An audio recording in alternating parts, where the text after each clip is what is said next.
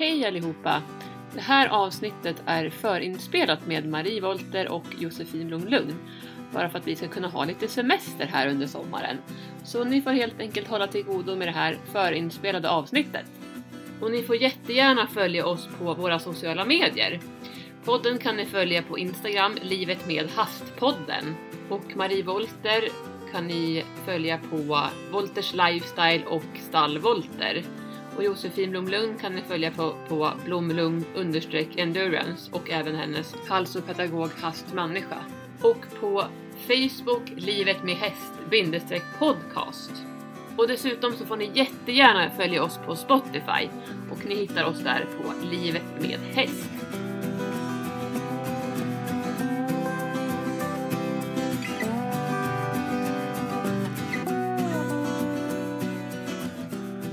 Hallå! Hallå!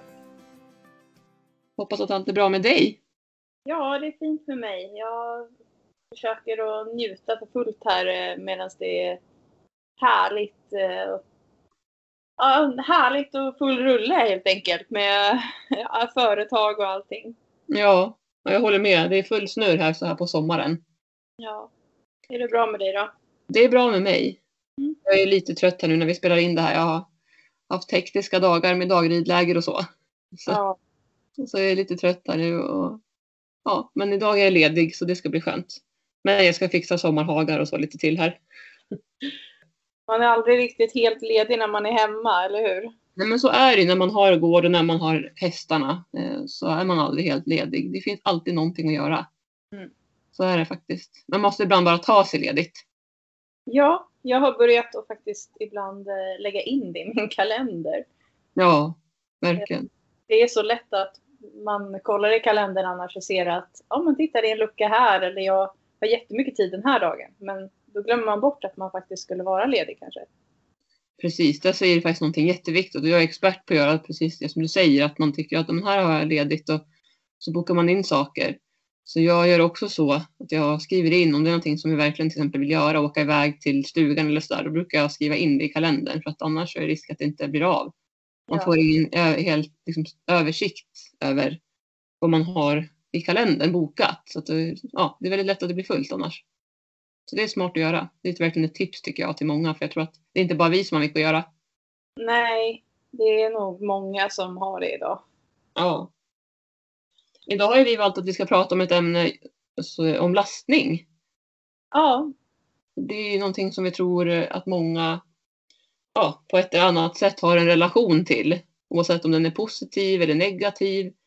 Eh, sen behöver det inte vara så att man har egen häst men det kan ändå vara så att man, är- att man är medryttare eller har häst på olika sätt eller umgås med häst på olika sätt och också kanske är en del av det. Eller man kanske åker på en tävling eller träning och så kanske man ser någon häst till exempel som är svårlastad och så, så vill man gärna hjälpa till.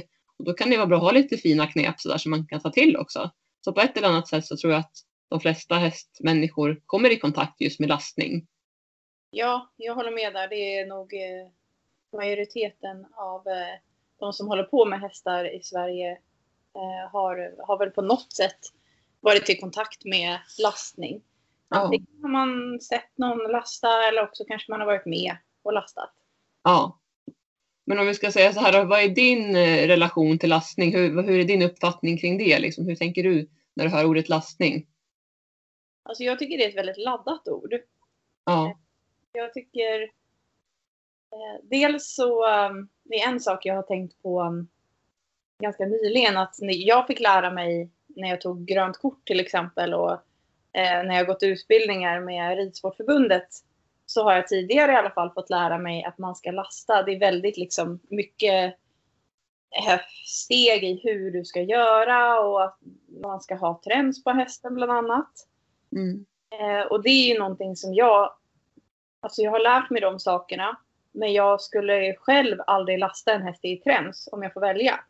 Mm. För att jag tycker att det är en säkerhetsrisk för att de kan fastna om de har bett och så vidare. Ja. Men, men det är liksom en sak jag har tänkt på med lastning. Att det finns så många olika teorier om hur man ska göra det. Verkligen, jag håller med. Ja, Och där tycker jag att det är viktigt att man inte krånglar till det. Det är liksom nummer ett. Gör det inte krångligt. Mm. Eh, sen så har jag känt under åren som jag har jobbat med hästar att när folk hör av sig och har lastproblem, det är liksom ingenting som jag gillar att jobba med. Nej. Jag tycker att det är, det är svårt. Eh, man vet inte vad man har att förvänta sig kanske innan man kommer dit. Det kan vara en häst som är väldigt rädd för att bli lastad och då kan det ju bli farliga situationer för att det är trångt och sådär. Men det kan också eh, vara väldigt små justeringar som behövs för att hästen ska tycka att lastning är helt okej. Eh, så där har jag, eh, jag har lite olika erfarenheter där av just lastträning med, eh, med hästar som, som ägarna haft problem med. Mm, jag förstår. Och jag tror att det är precis som du säger här, en laddad, ett laddat ord. Så tror jag att de allra flesta känner lite samma sak. För att många gånger så tycker jag att man hör att det är svårt att lasta sin häst eller den hästen man, man rider eller så. Ehm, det är klart att det finns många som har så att det går bra för. Det är väl oftast det som är grejen också, att det, där, där det är problem, det är det man får höra om. Ehm, men ehm, jag håller med där. Jag har lite blandade erfarenheter när det gäller lastning. Vi har haft ett sto tidigare, Tafflinger sto, och hon var, hon var knepig. Hon var väldigt, hon var väldigt envis och stoig liksom. Och hon, om hon bestämde sig för att hon inte skulle gå in så gjorde hon inte det. Det här var ju ändå på den tiden när, när vi inte var super, lika kunniga som, som jag är nu, jag och mina föräldrar och min syster. Eh, och jag vet att det var jättemånga som ville blanda sig i och hjälpa till förstås av eh, liksom, välmening. Men det blev ju precis som du säger, man krånglade till det och det blev bara värre av det. Eh, så jag håller med där att göra det så enkelt som möjligt och inte krångla till det och inte göra så stor grej av det. Men det är ju förstås lättare sagt än gjort om man har en häst som är väldigt rädd eller som är svår helt enkelt. Som inte har det förtroendet för transporten eller för själva lastningen i sig och för, kanske också för, för människan. Så um, det är ju inte någon lätt sak men um, eh, vad ska vi säga då liksom är vad kan man göra om vi tar lite olika scenarion, vad kan man göra till exempel om man har en häst då som är rädd säger vi för, för att lastas? Då, jag, jag skulle fokusera på, alltså om det är verkligen att den är rädd, då skulle jag fokusera på att få den att tycka att släpet är någonting bra. Mm. Att det är något positivt med släpet.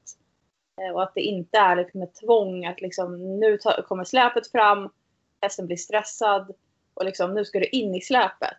Utan eh, mera kanske att man försöker få upp hästens intresse för släpet. Att den vågar gå fram och nosa på det, undersöka, kanske krafsa lite med hovarna. Eh, och att den, jag vet att vissa personer eh, och när de väl får in hästen i släpet brukar se till att mata den där inne eller så så att den förknippar det med någonting, att det finns något gott där inne. Mm. Eh, och där tror jag att man behöver liksom betinga då att släpet är lika med positivt eller godis eller någonting som hästen tycker om. Mm. Där säger du någonting jättebra. Men jag tror att det finns en liten fara där också. Mm. Som jag har i alla fall erfarenhet och jag tror att många gör så. Att man använder godis som en muta. Och då blir det ju på fel sätt. Man ska inte muta tycker jag. Jag tycker inte det i alla fall personligen. Att man inte ska muta hästen in i transporten. Nej. Det är liksom sista i så fall utvägen. Om man verkligen säger nu är det skarpt läge, vi måste iväg liksom. Mm. Då kan det vara en situation. Men, men för att få, en, få helheten och få en häst som accepterar transporten. Då är det ju som du säger viktigt att man gör det till en positiv del där då godis eller foder kan vara någonting som den får belöning för när den har kommit in i transporten. Eller om man inte på en gång ska lasta, att man kanske bara utanför och låter hästen bara bekanta sig med transporten. Så kan det ju vara att man matar den lite på rampen till exempel. Man belönar den för till exempel om den tar ett kliv upp på rampen och då får den en godis. Eller om den bara står i första läget om hästen är väldigt, väldigt rädd och inte ens vill gå upp på rampen. Då kan det ju vara att man ger den någon godis eller lite mat eller en grästuva runt omkring. Och att då syftet inte är att ta in hästen direkt i transporten utan att bara vara där omkring så att det ska vara positivt. Eh. Ja, det är faktiskt jätteviktigt det du säger nu. Eh, jag har ett exempel på just det där. Och det var en medryttare som jag hade för många år sedan. Som mm. hade en, en krubba som var i en speciell färg. Eh, mm. och det här var, hon hade lånat min häst eh, en period och då tränat på um, att alltid ha den här krubban med när man skulle lasta. Och den skulle då ha godis i sig. Och då skulle hon liksom mata hästen in i transporten typ, eller muta den in i transporten med den här krubban. Mm. Och jag sa det att, ja men vad gör du den dagen du har glömt den här krubban då? Eller den är trasig. Ja, precis. Du kan ju inte ha en sak som liksom är, du är beroende av för att kunna lasta hästen. Och Mm. sen blir det ju så då att hästen har ju då fokus på maten. Eh, och jag vill i alla fall att hästen ska vilja gå in i släpet för att den vill följa mig och för att den litar på mig. Inte Mm. för att jag har mat till den. Nej. Så där är ju liksom skillnaden att det är, det är helt okej att ge belöning till hästen men inte muta. Det tycker inte jag heller att man ska först göra.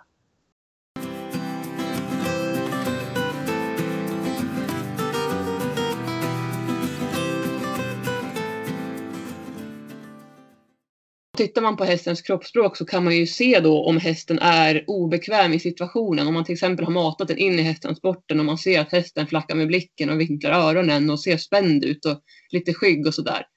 Det är ju ett tecken på att den inte är bekväm i situationen inne i transporten. Att den har bara gått in för att den har fått mat där inne. Mm. Eh, och då, ja, det, det är ju liksom inte helt, eh, då har man inte riktigt fått ordning på situationen. Då känner inte hästen sig trygg. Och det tycker jag är viktigast, att hästen ska känna sig trygg. Eh, sen, ska vi, sen vet vi att hästar är flyktdjur, så det är klart att de kan hoppa till och bli skrämda även inne i en transport. Men det, ska ju, det kan ju vara för ljud utifrån och sådana saker. Att all, det kan ju förstås hända liksom vilken häst som helst. Men att, eh, att man verkligen tar det Alltså, jag tycker man ska ta det ett steg i taget, framförallt då om man har en rädd häst eller en häst som, som inte vill gå in i transporten av någon anledning. Nej. Och en sak som är väldigt vanlig är att eh, hästen inte vill eh, gå upp med bakbenen på rampen. Mm. Ofta så kan de ju gå upp med frambenen men sen så vill de inte gå upp med bakbenen. Och då är ett knep att man kan longera hästen eller leda den från sida till sida över rampen. Mm, det är smart. För att då, då behöver den inte kliva upp på rampen med alla fyra hovar och den känner liksom att det är okej att stå på rampen och så får den gå ner igen. Mm. Och så liksom longerar den så fram och tillbaka och då menar jag i skritt då såklart. Inte, man longerar ju inte hästen i trav över rampen. Men Ja, då kan det bli farligt, då kan de ju göra illa sig, trampa snett och så.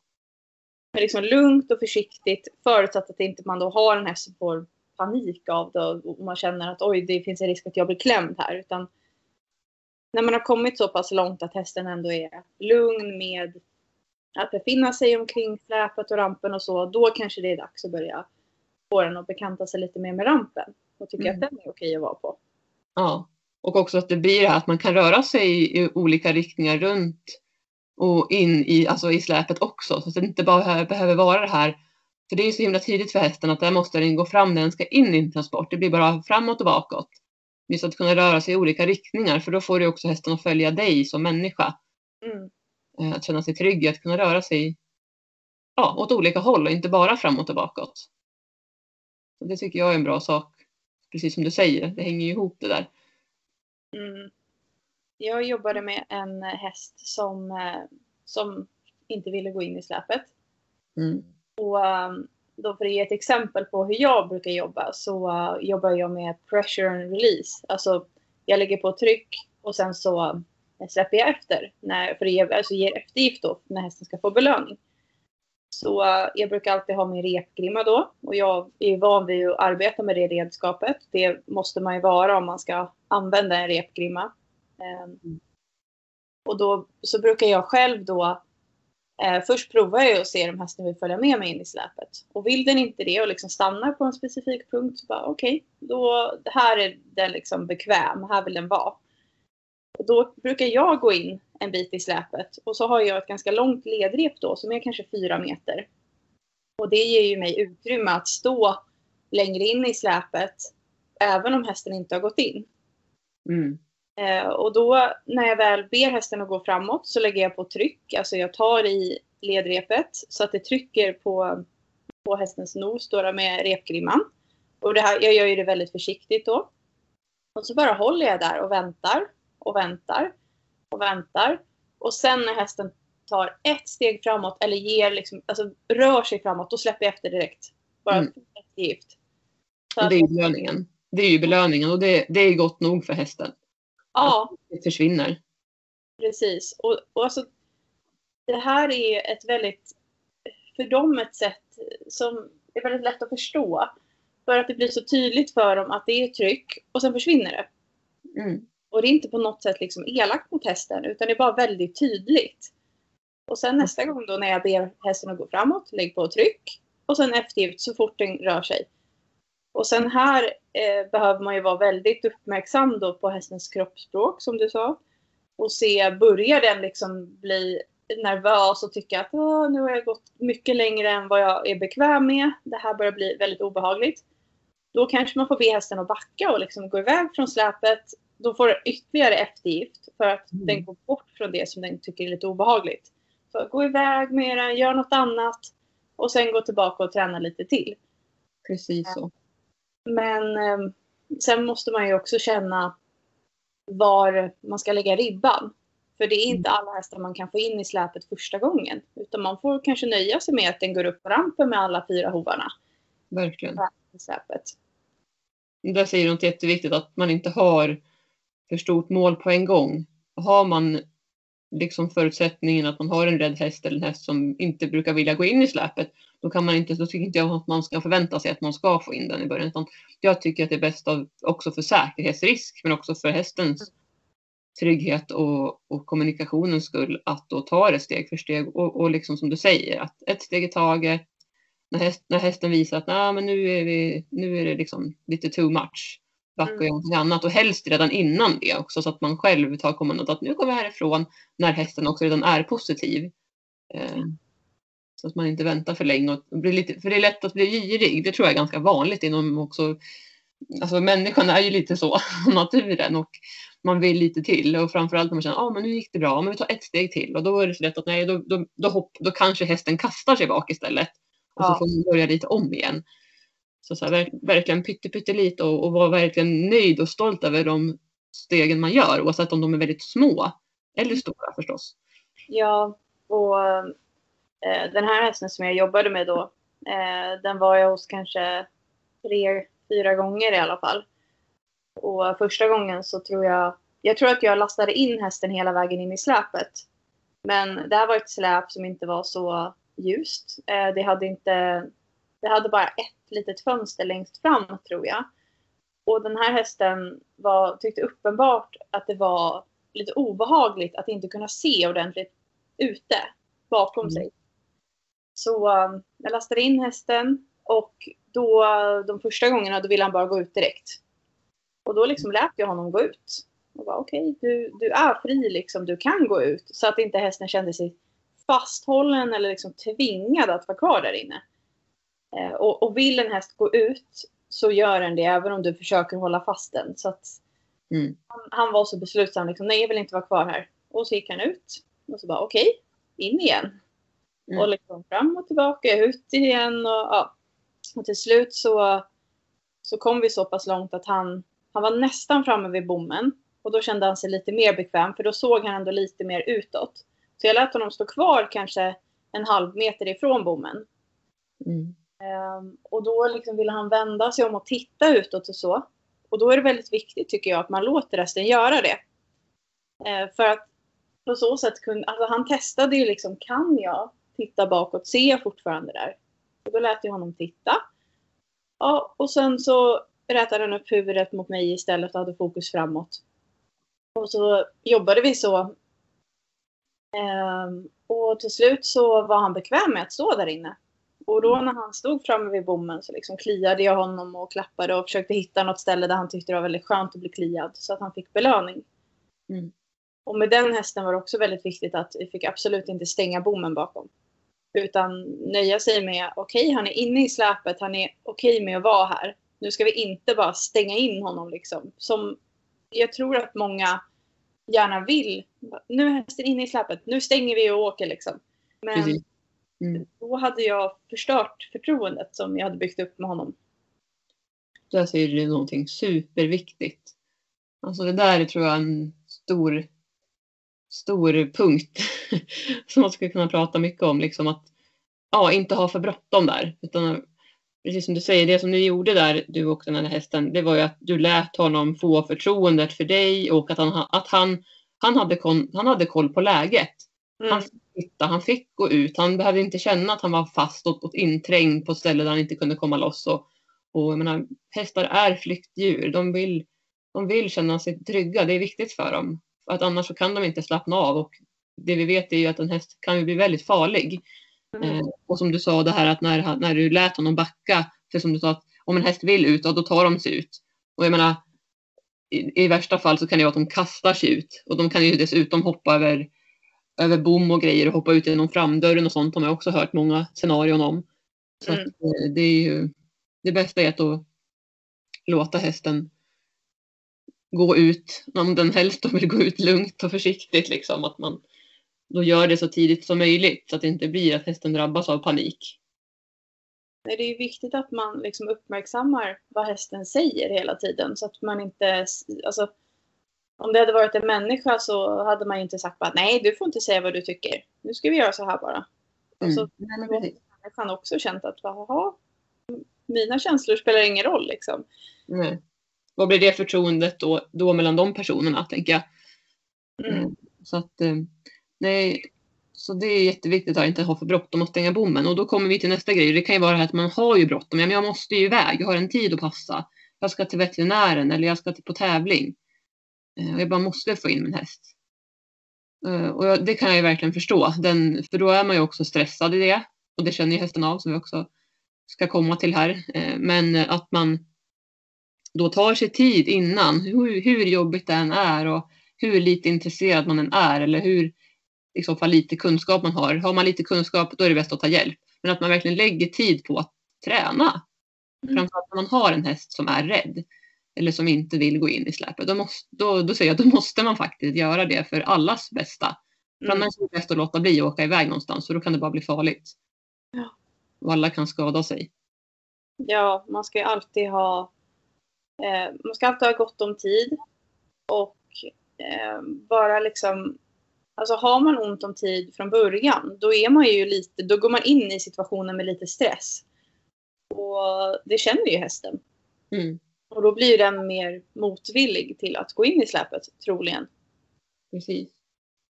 Eh, nej, sen ska jag också säga att jag, när jag ska lasta mina hästar hemma, då har jag typ en lucka på mellan tre och fem minuter.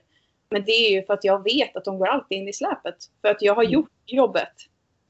Ja, och det är ju precis som du säger, när man, när man kommer till det att hästen inte är svårlastad längre. Eh, då, är, då behöver man inte ha samma tid och samma, då kan man ju verkligen ha lite kortare tid på sig. För att man vet att hästen kan. Men det är en annan sak om man vet att man har en häst som in, oftast inte går in, eller den brukar krångla lite grann. Det behöver inte vara att man har en extrem häst som är väldigt, väldigt rädd, utan det kan ju vara att ja, den brukar vilja gå in och ut några gånger och sådär. Ehm, då är det bra att ha lite extra tid. Hellre i så fall att man kommer lite tidigt då till det stället man ska till. Mm. Och att det inte blir tvärtom. Nej, och, eh, den här hästen som, eh, eh, som jag jobbade med då en period, den, den gick ju då jättebra att lasta in i släpet. Men sen hade det troligen blivit sådär att man hade lite bråttom och de här personerna som hade hästen blev ju så exalterade och liksom ivriga när hästen väl var inne i släpet. Så då stängde de bommen jättesnabbt liksom. Bara, Mm. Stäng bommen, upp med luckan liksom. Eh, så att de kontaktade mig igen sen och bad mig komma. För att då hade de fått problemet att så fort någon rörde sig bakom släpet när han var inne, då bara kastade han sig ut. Mm. Han, Eh, visste ju, han visste ju att bommen skulle stängas. ja, precis. Och han, hade, han upplevde ett obehag kring det. Ja, Så eh, då fick jag komma dit igen. Och eh, liksom lastade in honom. Och så sa jag bara till den här ägaren då att ja men okej, visa nu då när du ska stänga bommen. Och så gick eh, personen och gick mot bommen och då bara kastade sig hästen ut liksom. Jag Mm. tänkte okej, det finns inte en chans att, som sagt, jag kan inte hålla hästen kvar inne i släpet. Och han reagerade jättestarkt med bara, alltså bara att personen rörde sig mot sidan av släpet, mot bommen. Så då fick vi göra så att ehm, jag tror att eh, den personen fick lasta in hästen i släpet. Och jag rörde mig ganska långt bort från släpet först. Bakom släpet, liksom, bara för att lägga på det här som hästen upplevde då som ett tryck. Mm. Att jag rörde mig liksom fram och tillbaka, bara gick så här avslappnat bakom släpet och hästen fick titta på mig och se att jag inte liksom gick mot bommen för att stänga eller så, utan jag bara gick där. Och sen successivt så kunde jag gå närmare och sen lite närmare igen. Och uh, så lastade vi av hästen. Och då så ville jag inte använda bommen när jag skulle stänga. Utan Nej. jag ville ha någonting som jag kunde lägga på och sen lätt ta bort eller bara släppa.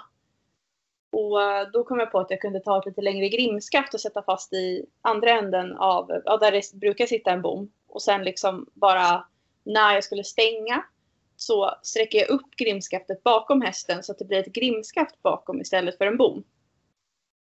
Och det tyckte ju han var jätteläskigt först. Men eh, sen efter ett par gånger så liksom accepterade han det och han kände att grimskaftet var där och så fort han slappnade av då tog jag bort det helt.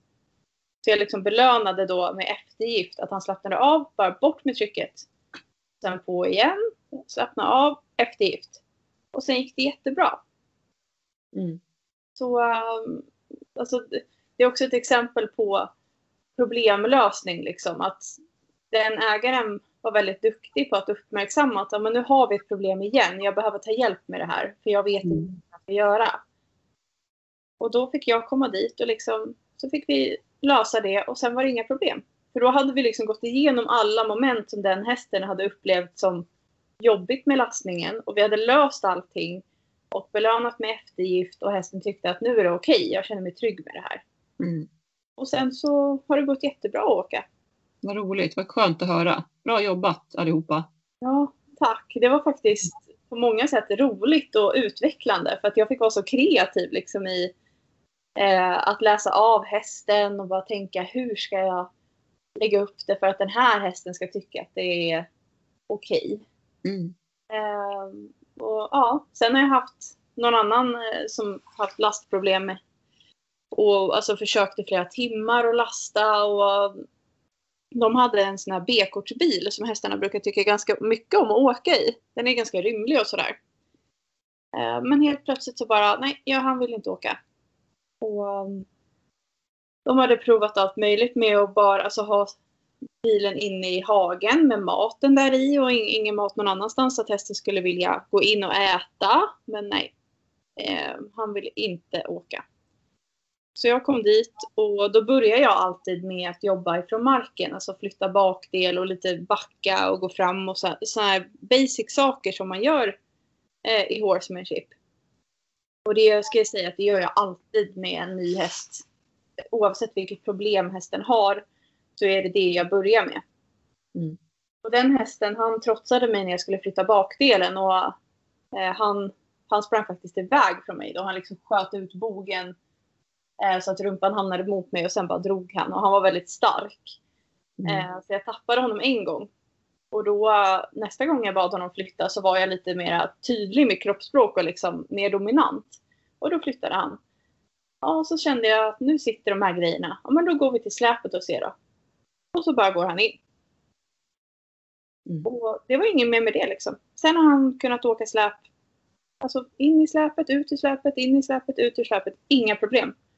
Det var bara att jag behövde liksom befästa någon form av respekt eller att, att han liksom hade tappat lite respekten.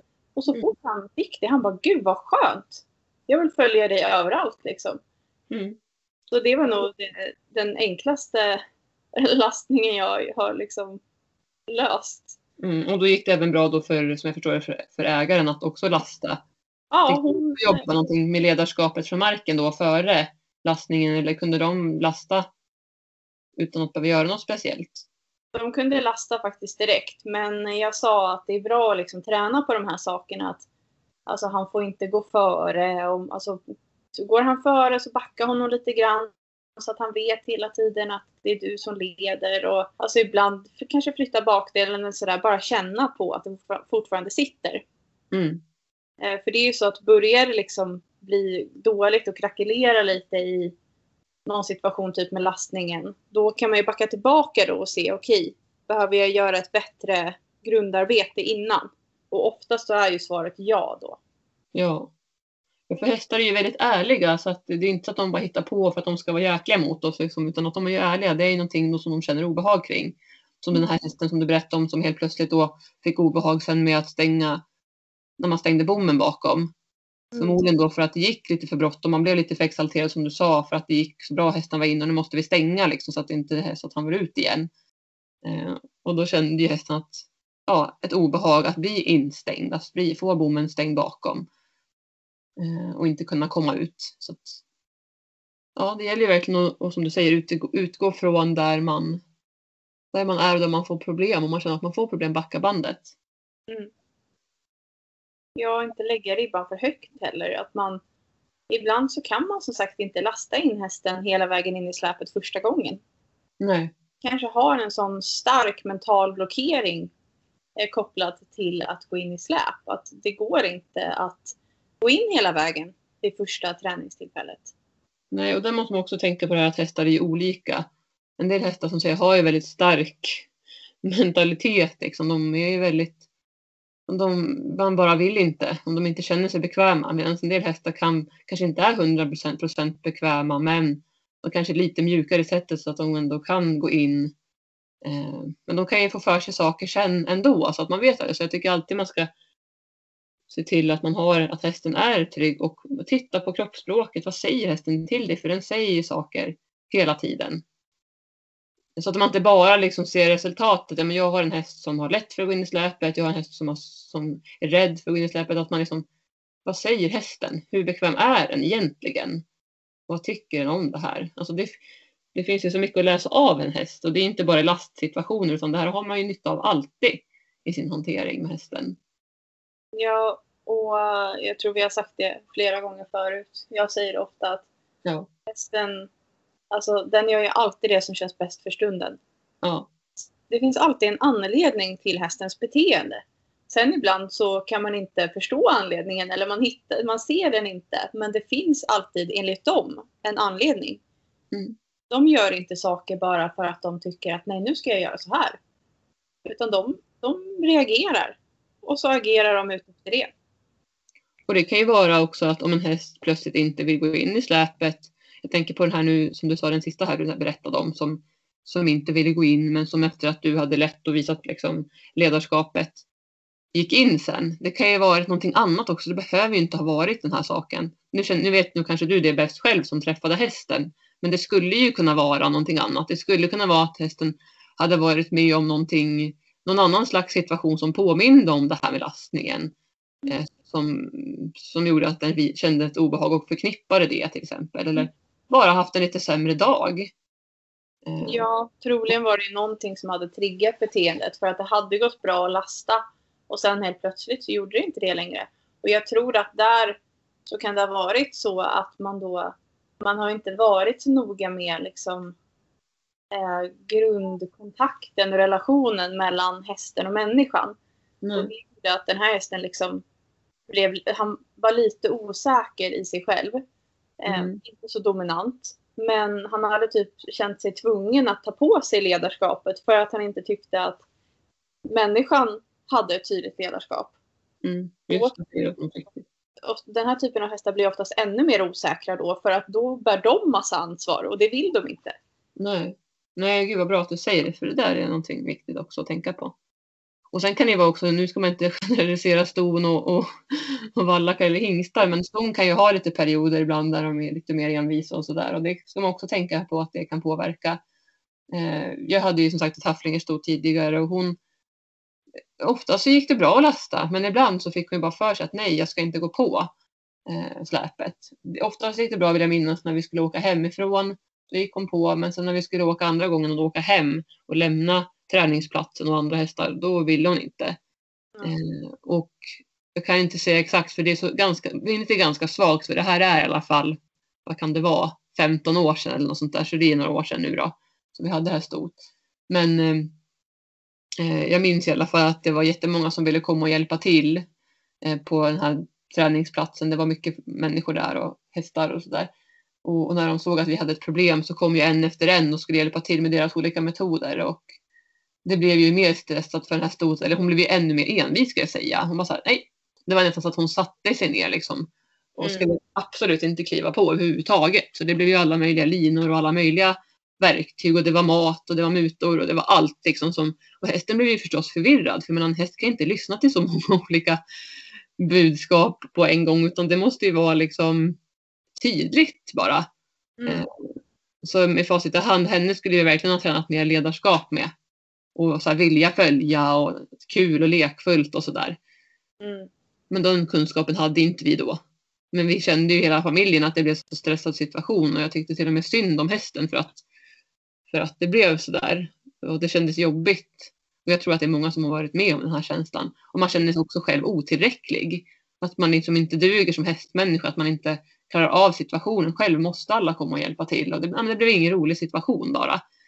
Sen kommer jag faktiskt tyvärr inte ihåg hur vi fick på henne sen. Men jag skulle väl tro att det blev lite muta och lite linor och grejer som gjorde att hon gick på. Så att eh, det är någonting som jag hade velat backa bandet så hade jag velat gå tillbaka och verkligen hjälpt henne att bli trygg med det här.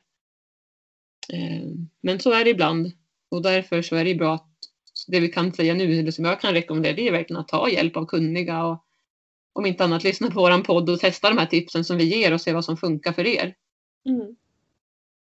Så, Ja, det, min pappa har alltid sagt till mig att eh, man ska ta hjälp när man själv saknar kunskapen. Ja, och gärna så nära som möjligt i tiden också så att det inte blir ett så för stort problem. För ju större det blir, desto större obehag eller så för hästen, desto svårare är det ju och desto sto- större risk att någon kommer till skada. Och man vill ju helst inte hamna där. Men ibland kan det vara för sent. Ibland kan det vara att, att hästen verkligen är rädd eller så och då, då tycker jag det bästa är faktiskt att ta hjälp av någon kunnig så att man inte försöker lösa problemet själv. Ehm, Om man inte har kunskaperna om det förstås. Man ska göra. Nej, och det är, jag tror att det ligger så mycket stolthet i på något sätt att man ska lösa det själv och bara nej men det är min häst, vad som är bäst. Men ibland så vet man inte det och då måste man erkänna att nej men här måste jag faktiskt fråga någon annan om hjälp för att jag, jag vet inte vad som är bäst.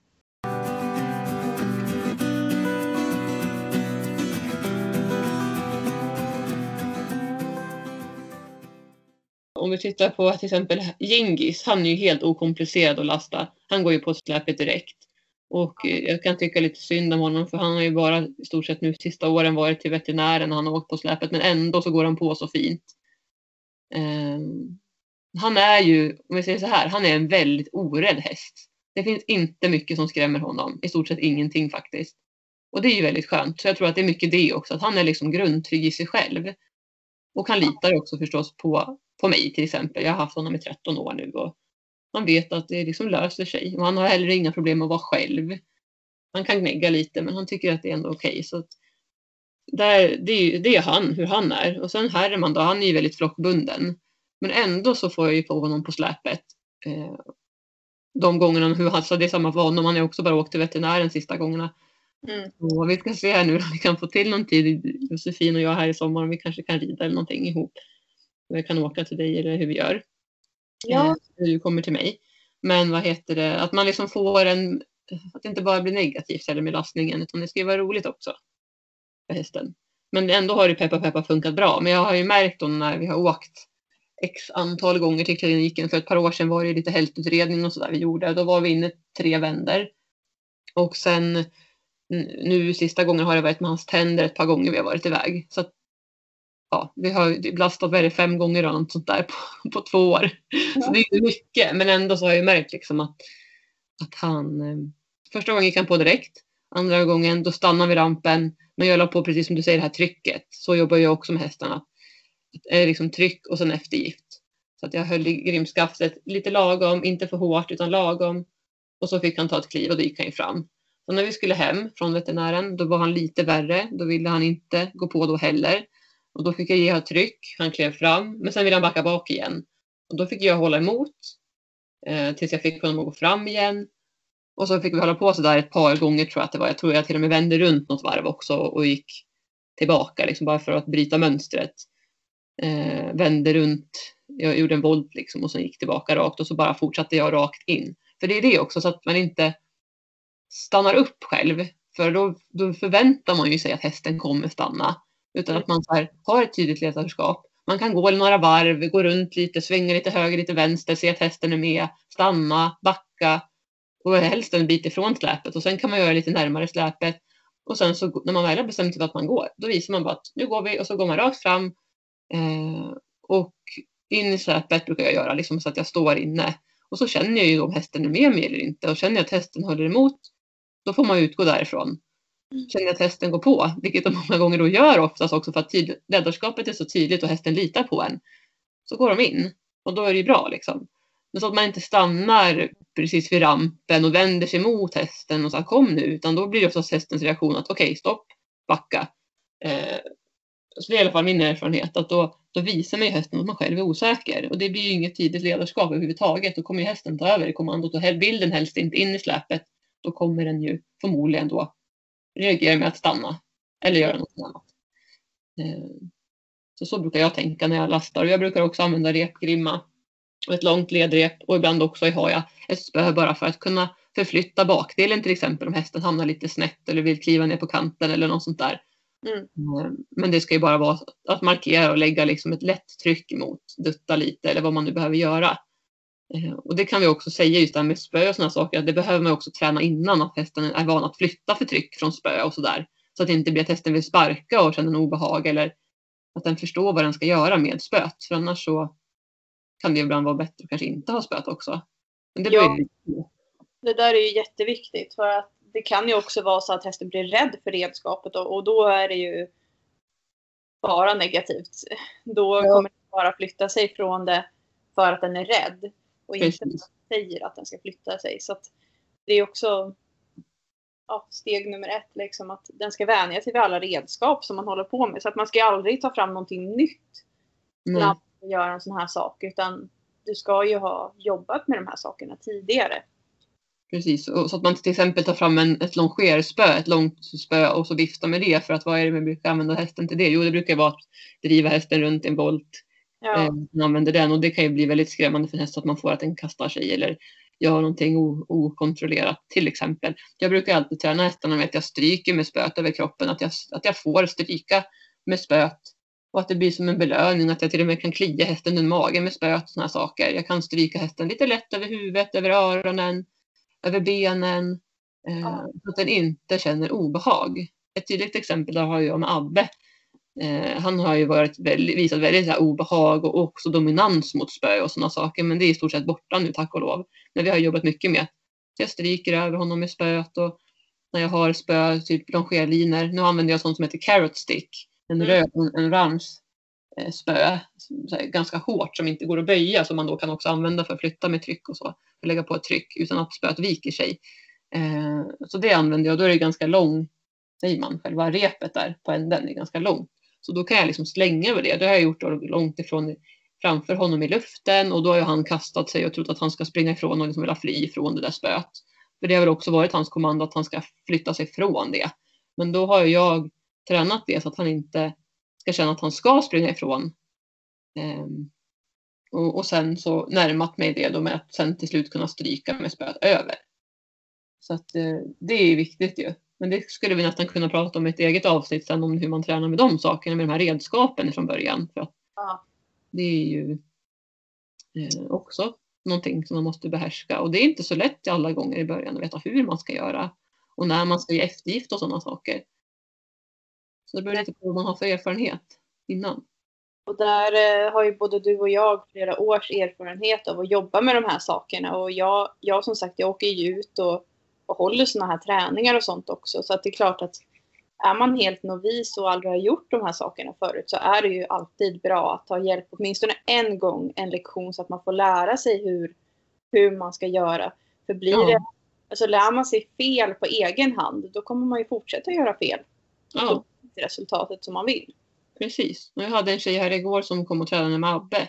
Hon har tränat med Herman Gingis tidigare och nu var det första gången hon fick testa med Abbe då, för de är ju så olika också i sitt sätt hästarna att att vara och hur de är känsliga och så för tryck. Mm. Eh, så det var jätteroligt och hon fick verkligen liksom ta steg för steg och vi använde repgrimma och ledrep och sådär. Och, vi, och så, fick, så gick vi med Abbe och så fick hon stanna och han skulle stanna bakom henne och sådana saker och inte gå på och så. Och det gick ju jättebra. Men som du säger, att lära sig hantera redskapen och jag visade sen han också hur jag brukar göra med spöet och sådana saker, exakt det jag pratade om nu. Eh, för att eh, ja, hästen ska vara trygg i alla moment. Men tillbaka där till lastningen igen så så då med, med Herman där sen så, så gick han ju på sen och det har ju gått bra. Så det har bara varit några, så här, några enstaka gånger att han har stannat bara för att markera att nej men jag vill inte det här riktigt. Och sen när han väl har kommit på transporten så står han ju och gnäggar och det är, för hans del så handlar det mest om att han inte, det är inte transporten i sig som är obehaglig utan det är att han lämnar kompisarna för han har ju åkt själv. Och då, det är ju inget konstigt att han inte vill lämna stallet oavsett om det är hemma eller om det är borta på en klinik till exempel som vi har varit där alla hästkompisarna, varför ska han lämna den flocken? Liksom? Han vill gärna vara med sina hästkompisar. Så han har gnäggat lite men sen har det ju gått bra och inte varit några problem. Så jag får säga att han är väldigt trygg med att åka transporten i, i, i sig så att säga. Eh, sen kommer vi till Abbe och där har det ju varit, eh, eh, vad ska man säga, någon, en ny utmaning för min del. Eh, han kom ju då från Spanien för snart ett år sedan och då åkte ju han lastbil hit, hästlastbil eh, i nio dagar. Men han fick ju lastas av och på förstås då. Efter, efter alla konstens regler så att säga. Så han var, blev ju van att gå på den här hästlastbilen. Men eh, han var ju också van att när han skulle gå ur transporten så fick han ju gå ner med huvudet före och gå liksom ner på rampen. Det var ju så och sen så, ja en liksom ganska stor och rymlig lastbil. Eh, och de sa det också att Abbe var en av de, de bästa hästarna att lasta där på resan. Och också som, de, som jag förstod det som, som de sa att han var, han var liksom ganska så lätt och tillfreds och ville gärna följa sin ledare och sådana saker. Eh, men han var ju självklart lite, lite skakig och lite sådär när han kom och lite spänd och man förstod att man såg på honom att han hade rest långt förstås. Men sen då när han kom här så började vi ganska snart in på där att träna eller testa att lasta honom på vanlig häst, hästtransport då, som jag har hemma. För att men jag tänkte att det är bra att kunna träna på det så snart som möjligt. Så att han blir trygg med det. För det kan ju vara så att man behöver åka till veterinären. Det kan ju vara så att man ska iväg på någonting, alltså ut och rida eller vad det nu kan vara, åka och träna. Så jag känner att det, det vill jag träna på med honom så att han blir trygg så snart som möjligt.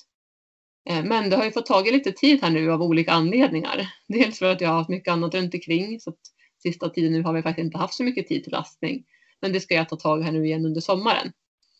Eh, så att då eh, när jag skulle lasta honom där första gången då hemma hos oss så tänkte jag att nej, men vi ska först träna lite försiktigt att han bara går upp på rampen och bara ser hur han reagerar med en hästtransport. För att en häst kan ju tycka att den är lite läskig om de aldrig har varit in i en förstås. Det är ju inget konstigt. Och hästar är också klaustrofobiska och vårt hästsläp är ganska mörkt tyvärr. Det är ljust, ta, vitt tak men mörka såna här plywoodskivor, så bruna liksom. Så det är ganska mörkt invändigt. Eh, och eh, ja, när vi då skulle lasta, jag vill minnas att jag hade repgrimman och ledarrep. Och jag hade också en, ett spö vill jag minnas att jag hade då. Långt dressyrspö. Och då när vi skulle gå på så gick han, han bara klev rakt in i transporten. Det var liksom ingen tvekan överhuvudtaget. Jag hann inte ens hejda honom. För jag, jag trodde att han inte skulle gå på, men han bara gick. Och när jag sen såg att han gick, men okej, okay, vi tar något steg till och då var han ju bara inne helt plötsligt. Då tänkte jag, men det här var ju bra. Och jag hade, mellan väggen hade jag skjutit den åt sidan så att det var liksom mer plats, så att det inte skulle kännas trångt och klaustrofobiskt för honom. Eh, och förstås bommen i fram var ju där på plats och så. Och eh, sen när vi skulle backa ut, för vi skulle iväg, det var nästa grej som var egentligen var lite negativt och som jag ville ge tips. Ska man lastträna eller ska man liksom, om man ska träna lastning så ska man ha gott om tid för att man vet ju inte hur lång tid det tar. Um, och det var ju så att jag hade ju aldrig förväntat mig att det här skulle kunna hända för att jag hade aldrig någonsin varit med om det och inte ens hört om det heller. Men det som hände oss var att Abbe inte ville gå ut transporten. Han tvärvägrade. Han ville inte kliva av transporten och det här handlar ju om osäkerhet såg jag ganska så direkt. Han var ju rädd för att kliva av rampen för att han hade aldrig gjort det. Han hade aldrig behövt backa bak nere på en ramp.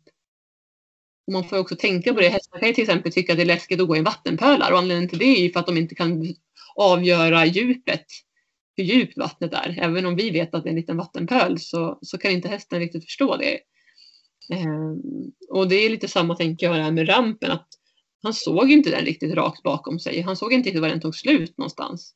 Så han kände, det kändes väl säkert som att ja, ska jag kliva bak här när jag inte vet var, var det tar vägen och det lutar och det känns obehagligt. Som så. Eh, men det var ingenting som jag hade tänkt på överhuvudtaget.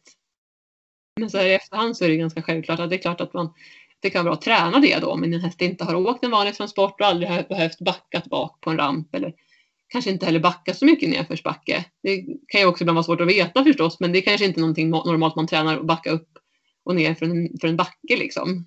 Det brukar inte ligga till vardagen kanske så generellt sett. Eh, nej men så att då när då fick jag verkligen tänka så här, steg för steg, ett steg i taget. Det var liksom direkt det som kickade in hos mig. Här kan jag inte ha för bråttom utan jag måste få förtroendet och få honom att känna att han kan ta ett steg i taget där han känner sig bekväm. Så jag bad honom att backa och det gick ju bra. Men så fort han sen kom med bakbenen liksom i, mellan rampen och golvet, alltså själva kanten där, då tog det tvärstopp. Det gick liksom inte att backa honom mer. Det han gjorde var att han backade med frambenen så långt så att han stod liksom med frambenen och bakbenen typ ihop nästan intill varandra. Han backade till max. Han vägrade att backa med bakbenen så jag förstod ju att han är ju rädd för att kliva på rampen. Det var ju så uppenbart att det var det som var hans problem. Eh, så jag tänkte, vad ska jag göra då om hon är, alltså, om hon är så här rädd? Men till slut, jag fick ju bara liksom träna, gå fram ett steg, backa några steg. Så att jag kände att jag hade honom med mig, att han lyssnade på backningen och försökte få bort fokuset från att det var läskigt att gå på rampen. Till slut så ställde han sig ju med bakbenet på rampen i förtroende. Och då var det verkligen så här beröm och berömma, duktig gubben, bra och så där belöning och smeka och så. Eh, och det tycker jag också, är, som jag ska säga, som jag tycker är viktigt, som jag brukar tänka på, det är att jag inte klappar hästen hårt. Jag vill smeka hästen. Jag vet att vi har pratat om det i tidigare avsnitt. Det blir en tydligare belöning och behag för hästen än att man klappar väldigt hårt på hästen för en belöning. Eh, så det gör jag smekte honom och liksom berömde i rösten och lät glad och positiv och sådär. där. och sen så försökte vi något steg till. Och jag kommer inte ihåg ordningen här nu exakt men, men det var liksom, vi fick några steg bak, vi fick något, ett steg bak så sprang han fram. Och jag var ju förstås rädd för att bli klämd, för så är det ju. Det är ju väldigt trångt i släp och och en stor bom fram och liksom, det finns inte så mycket utrymme. Framförallt inte om hästen får för sig att den ska framåt och, och liksom bara få panik. Och det, och det var ju det som var hans liksom, väg. För att han bak kunde han ju inte gå så det enda han kände sig bekväm med det var att gå fram. Men för mig fick han ju inte gå fram för jag ville ju inte att han skulle liksom han fick, inte, han fick gå fram men han fick inte gå fram för mycket för jag ville inte bli klämd och jag ville inte få honom genom framdörren. Så att eh, jag var väldigt tydlig med att här är stopp. Du får stå kvar. Du får max ta något kliv men, men liksom inte mer än så. Det är stopp här, här är max liksom, du får gå fram. Och han blev förstås lite stressad av det. Men till slut så accepterade han ju det. Mm. Eh, och vi fick några steg till bak men jag fick liksom inte honom med alla fyra hovarna på rampen. Det gick inte. Det gick så att vi ändå kom ner med bakbenen ganska så långt ner på rampen men så fort han liksom skulle typ, vi kanske kom max till mitten på rampen. Sen gick det inte mer, sen sprang han fram. Fick panik. Och vid något tillfälle så trampade han snett på sidan också. Då upplevde jag att då blev det värre. Då sprang han ju fram och då tyckte han att det var läskigt för han trampade ner med ena hoven. Eh, och jag sa till min man att han skulle stå där på sidan men tyvärr så var, hade vi ju stressande situation och vi har ju tre barn så att de var ju där i närheten och jag hade, kände mest att viktigast är att ändå passa barnen så att inte de kommer emellan. För vi hade ju vår lilla dotter då som bara var halvåret gammal. Ehm, och så där så att eh, jag var i stort sett rätt själv där och det är ju också någonting som kan vara lite dåligt att göra, att vara själv när man ska lastträna. Ha gärna någon medhjälpare med dig, framförallt om olyckan också skulle vara framme så att du kan få hjälp snabbt om det ska vara någonting. Eh, men också det här att kunna få hjälp, till exempel att det står en person på sidan om rampen så att inte hästen trampar snett och sådana saker. kan ju vara väldigt bra. Ehm, men till slut i alla fall, jag fick ju lite vad ska man säga, jag, jag, blev, jag, blev liksom, jag blev lite knäckt där. Jag blev ledsen och kände mig åh, uppgiven. Liksom. Och hur, hur ska jag få av hästen på transport? Vad ska jag göra? Ska jag behöva ringa en veterinär typ, och ge honom lugnande? Eller vad ska jag göra? Ska behöva ringa på kompisar som kan komma och hjälpa mig att typ, lyfta av hästen? alltså, tankarna börjar ju komma och så bara känner man sig så hjälplös. Eh, för han var ju rädd men ändå in, inte så superrädd. Liksom. Jag fick honom inte av. Han, hade bara, han ville inte. Liksom. Så jag började gråta där. Och när jag väl gjorde det sen så, men då var det som att här, han slappnade av lite. För då kände han ju att min press försvann och min stress, nervositet Eh, av att bli klämd till exempel, av att inte hinna i tid. Eh, det släppte och då kunde han också känna in den och då, då stod vi där och andades tillsammans och, och, och liksom verkligen försökte bara landa och inte, inga press, vi bara stod där. Och jag klappade honom och jag sa, vet att jag viskade typ så här, kom igen nu gubben, nu gör vi det här, vi måste av släpet liksom, du, du kan det här, jag tror på dig. Och till slut så gick han ju av efter det här. Så det är verkligen så här, så himla tydligt hur starkt hästarna läser av oss. De läser ju av oss mer än vad vi själva gör. Det får man inte glömma. Det är ju så lätt att man själv går in i sina känslor och bara blir så tokfokuserad på att åh, han ska av nu, liksom. vi måste iväg, vi måste göra det här. Men det blev ju för stor press förmodligen för honom. Han kunde inte, och vi kände ju inte heller varandra så himla bra, för han hade inte varit hos mig speciellt länge. Plus att han kom ju också från Spanien, där de har en helt annan typ av hästhantering också många gånger. Utan att generalisera liksom. Mm. Eh, så att eh, det var väldigt tydligt att han, han blev lugn. Och då gick han väldigt darrigt av transporten och bara hängde liksom med benen så här, frambenen och visste inte hur han skulle lyckas komma av men han kände att bakbenen var på marken så då, liksom, då kunde han kliva bak. Och det var så himla tydligt på hans kroppsspråk. Han bara Åh, vad skönt. ja, liksom. Och jag också, bra gubben, så berömde. Och så fick han äta lite gräs och så stod vi bara där utanför en stund. Och sen gick vi till hagen. Så det var verkligen en, en ja, väldigt eh, speciell situation. Eh, och i och med också att han, vi var så nya för varandra så var jag lite rädd också. Jag kände honom ju inte. Han, för mig är han ju stor. Jag har ju haft ton hela livet och han var stor för mig och liksom väldigt känslig individ. Eh, så att jag ville liksom inte heller vara för på honom och jag visste inte var han skulle hamna någonstans med, oavsett vilket tryck jag gav.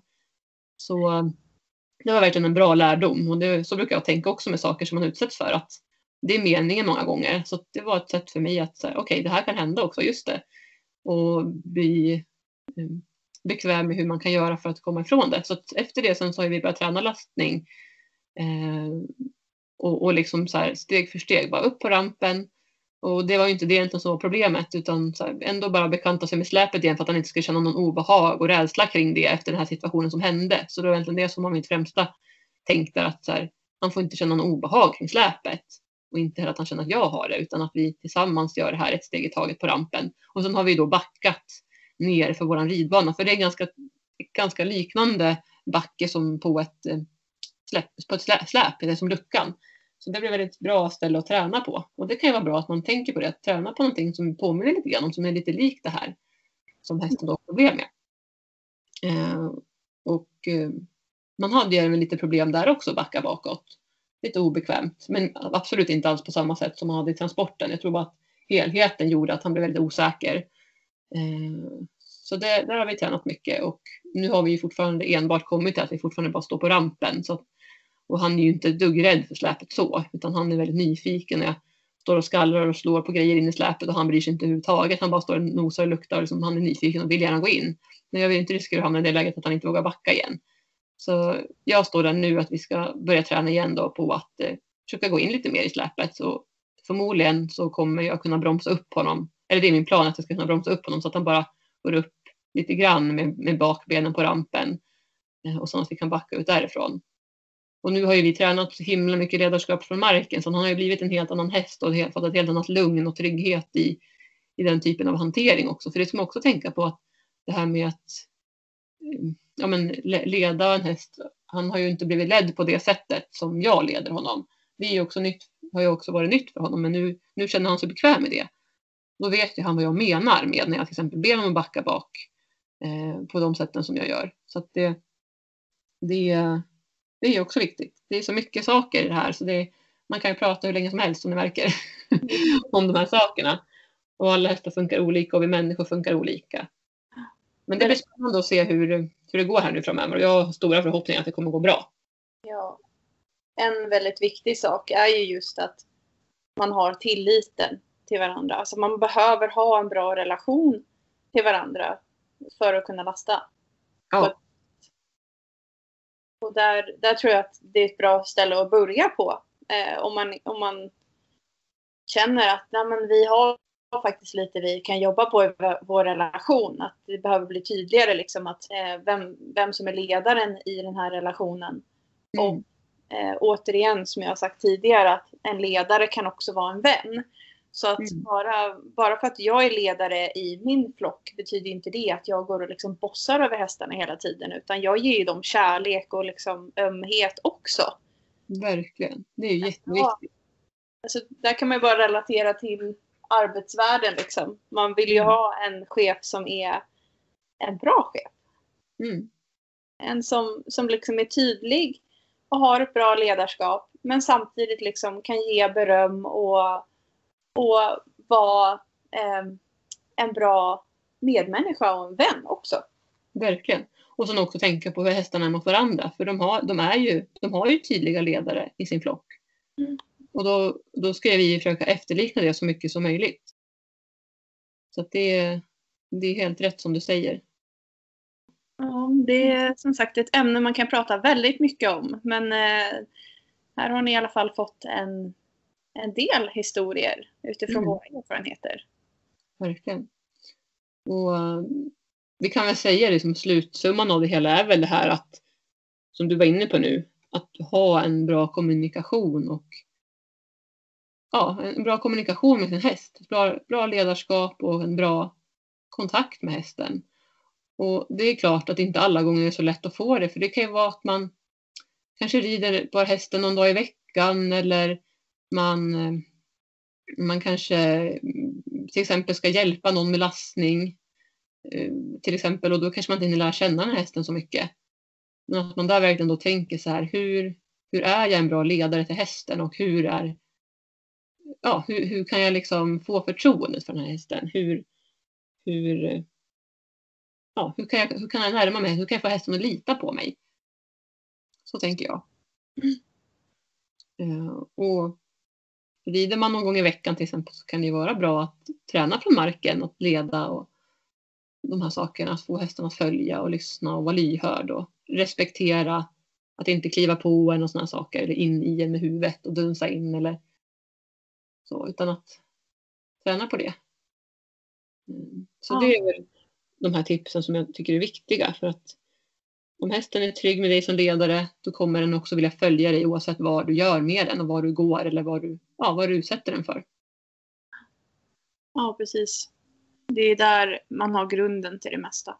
Mm. Så vill man verkligen, verkligen bli duktig och känna att man har en häst som till exempel till och med lastar sig själv.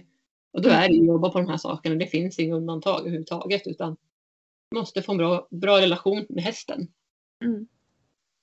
är det Ja, något annat som du vill tillägga?